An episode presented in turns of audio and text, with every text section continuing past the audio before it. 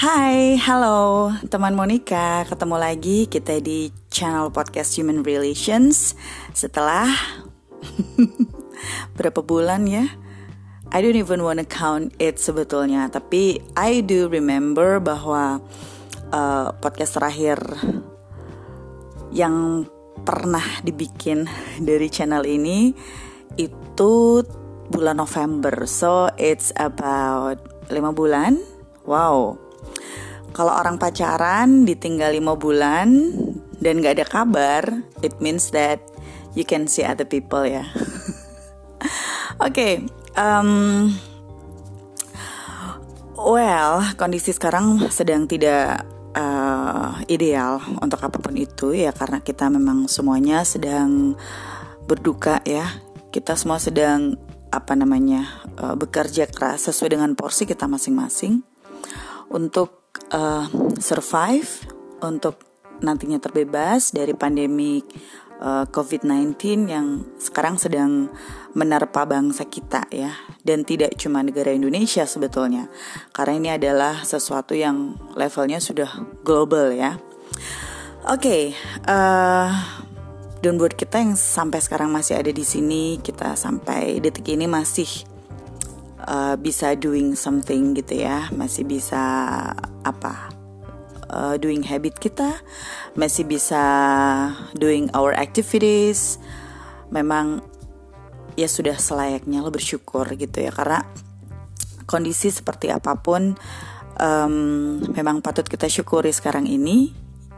Dan sekarang ini sedang uh, banyak terjadi perubahan ya terjadi perbedaan gitu ya dan kita semua dipaksa untuk ikut perbedaan itu. Bukan uh, bukan dipaksa dalam artian negatif ya. I mean dengan kondisi ini kita mau tidak mau harus uh, mengubah gitu ya.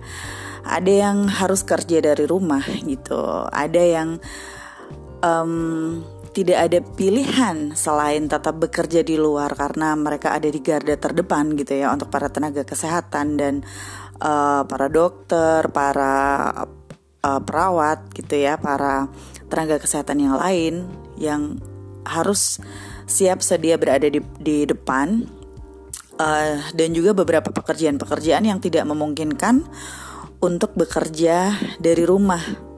Misalnya kayak teknisi gitu ya. Ketika ada apa namanya trouble di mesin atau di alat tertentu tidak bisa dilakukan apa namanya repairment secara remote mau nggak mau tetap harus ada di luar rumah tetap harus di jalan kemudian ada beberapa industri atau beberapa usaha yang juga memang sangat berimbas ya misalnya um, bidang pariwisata misalnya bidang kuliner gitu ya. Uh, walaupun tidak kita tidak bisa apa namanya tidak bisa menyebut ini terkena dampak lebih besar itu terkena dampak lebih kecil we cannot say that gitu ya. Karena memang setiap pekerjaan atau setiap profesi sekarang ini memang berubah berubah cara kerjanya. So it means that kita harus adjust nah sayangnya Manusia itu secara teori terkenal atau dikenal sebagai makhluk yang paling cepat adjust. Teorinya semacam itu. Tapi it appears that ternyata itu cuma teori gitu ya. Karena kalau kita mau melihat apa yang terjadi sekarang ini, banyak orang yang sorry to say nggak um, sabar gitu ya banyak orang yang masih mengeluh, banyak orang yang merasa aduh kenapa sih aku harus pekerjaanku kenapa harus berubah yang tadinya seperti ini, kenapa aku harus jadi seperti ini sih gitu ya. Kenapa aku harus diatur untuk berbeda gitu dengan keseharianku sebelumnya dan sebagainya. Artinya itu menunjukkan bahwa sebetulnya entah kita nggak mau adjust atau kitanya yang gak mau berusaha lebih keras untuk bisa adjust gitu ya. But the problem is ketika kita uh, melakukan itu, ketika kita tidak adjust, apa pun itu alasannya, itu membuat uh, segala sesuatunya jadi nggak stabil, ya. Um, sebetulnya untuk bicara atau untuk menjustifikasi bahwa seseorang itu sudah mau adjust atau tidak mau adjust atau tidak bisa adjust itu bukan hal yang mudah ya. Tapi ada satu hal yang di sini um, membuat aku tuh ngerasa um, seharusnya kita bisa bersyukur loh dengan kondisi kita apa pun itu, walaupun kita merasa ini adalah kondisi yang gak ideal gitu. Come on, kita lagi ada dalam masa krisis gitu loh. Kita nggak bisa maksa semua orang atau kita nggak bisa maksa sesuatu untuk bisa seperti yang kita inginkan. Dan nggak akan bisa sesuatu hal itu terjadi secara ideal gitu ya. Mungkin dari sudut pandang pekerjaan yang lain, I don't have any experience. Tapi yang aku rasain banget nih ya teman Monica ya. Aku ini kan ngajar nih ceritanya di sebuah uh, universitas lah ya dan sama seperti jenis pekerjaan yang lain, ngalamin juga tuh perubahan.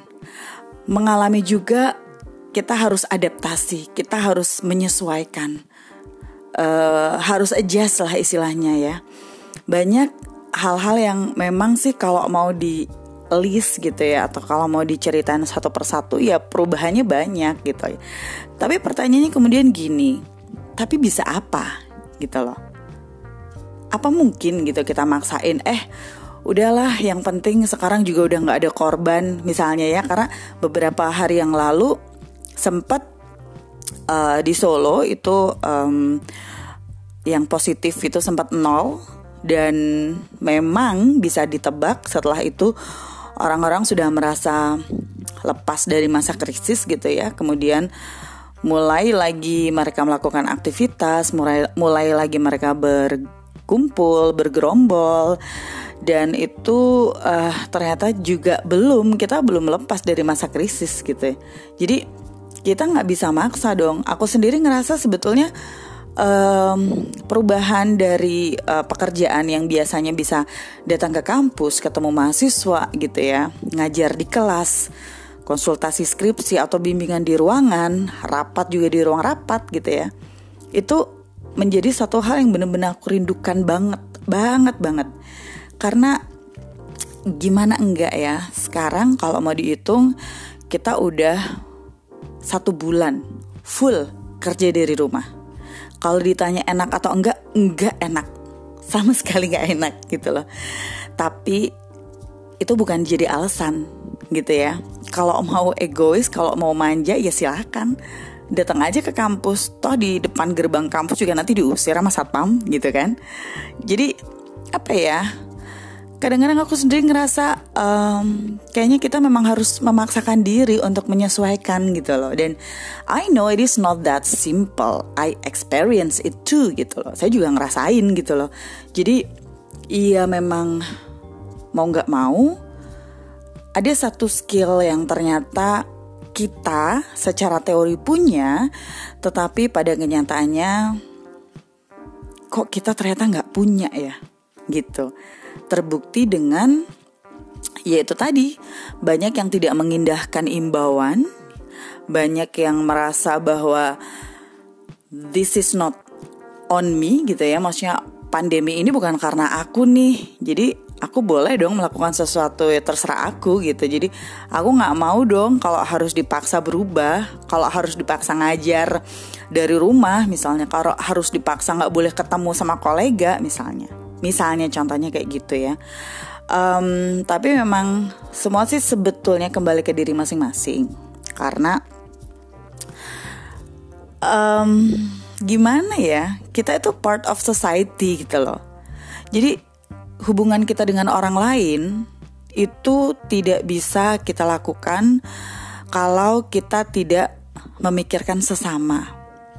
Jadi kadang-kadang yang bikin aku heran tuh gini, um, orang bertingkah laku egois, tapi mereka nggak sadar gitu loh bahwa keegoisan mereka itu bahwa tidak maunya mereka memaksakan diri untuk adjust situation, adjust condition, itu akan berpengaruh buruk terhadap society, lingkupnya lebih luas. Jadi mungkin um, kita butuh saling mengingatkan ya. dan itu nggak gampang I know that itu nggak gampang karena karakter orang kan beda-beda ya ada yang dia bisa dikasih tahu ada yang ketika dikasih tahu malah nyolot atau ada yang ketika kita ngasih saran responnya malah aduh kamu tuh terlalu berlebihan banget sih gitu-gitu ada dan ya udah yang penting responsibility kita adalah mencoba untuk mengingatkan para kolega kita teman-teman kita gitu ya bahwa ketika kita tidak mau menyesuaikan, ketika kita tidak mau adjust, efeknya itu nggak hanya ke kita gitu loh. Efeknya itu lebih luas. Jadi mungkin eh, nggak uh, enak sebetulnya ya when I back to this channel and I speak this kind of thing. It's kind of annoying sebetulnya. I'm not here to judging ya. Jadi sekali lagi aku nggak ada niatan untuk ngejudge siapa pun because I know that semua ini um, memang bukan dalam keadaan ideal and I know bahwa semua orang pasti sudah berusaha the best they could hanya saja memang ketahanan orang beda-beda tapi kayaknya nggak ada salahnya kalau kita coba melihat lagi sampai seberapa besar sih kita mau menyesuaikan dengan kondisi sekarang. Seberapa besar kita mau berupaya untuk beradaptasi dengan kondisi sekarang? Karena kalau kita nggak mau adaptasi, itu yang rugi kita sendiri juga, gitu loh.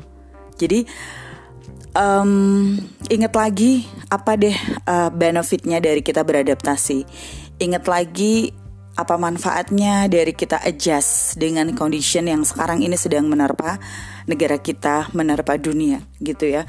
Dan um, perlu effort yang lebih besar. That's why kita perlu sesama kita untuk saling ngingetin, kita perlu a shoulder to cry on misalnya. Kita perlu punya seseorang yang um, leluasa kita teks. Aduh, capek banget nih hal semacam itu gitu ya so di kondisi ini memang kita perlu saling saling bergandengan tangan because we cannot go through this alone you cannot go through this alone gitu loh kita butuh kita untuk bisa solving this problem. Nggak bisa aku nggak bisa kamu tetapi kita. Gitu ya. Well uh, semoga semuanya dalam keadaan sehat terus, semuanya dalam upaya yang paling baik untuk bisa adjust. Dan semoga kita segera berakhir dari masa-masa suram ini gitu ya. Semoga pandemi COVID-19 ini segera berakhir. Jadi kita bisa kembali normal, beraktivitas, bisa ketemu teman-teman lagi dan yang jelas tetap berusaha untuk adaptasi, untuk adjust karena bagaimana akhir dari perjalanan ini itu tergantung dari keikhlasan dan upaya kita untuk adjust. Terima kasih teman Monica sudah bergabung di channel podcast ini. Semoga kita selalu sehat. Ketemu lagi kapan-kapan ya. Bye.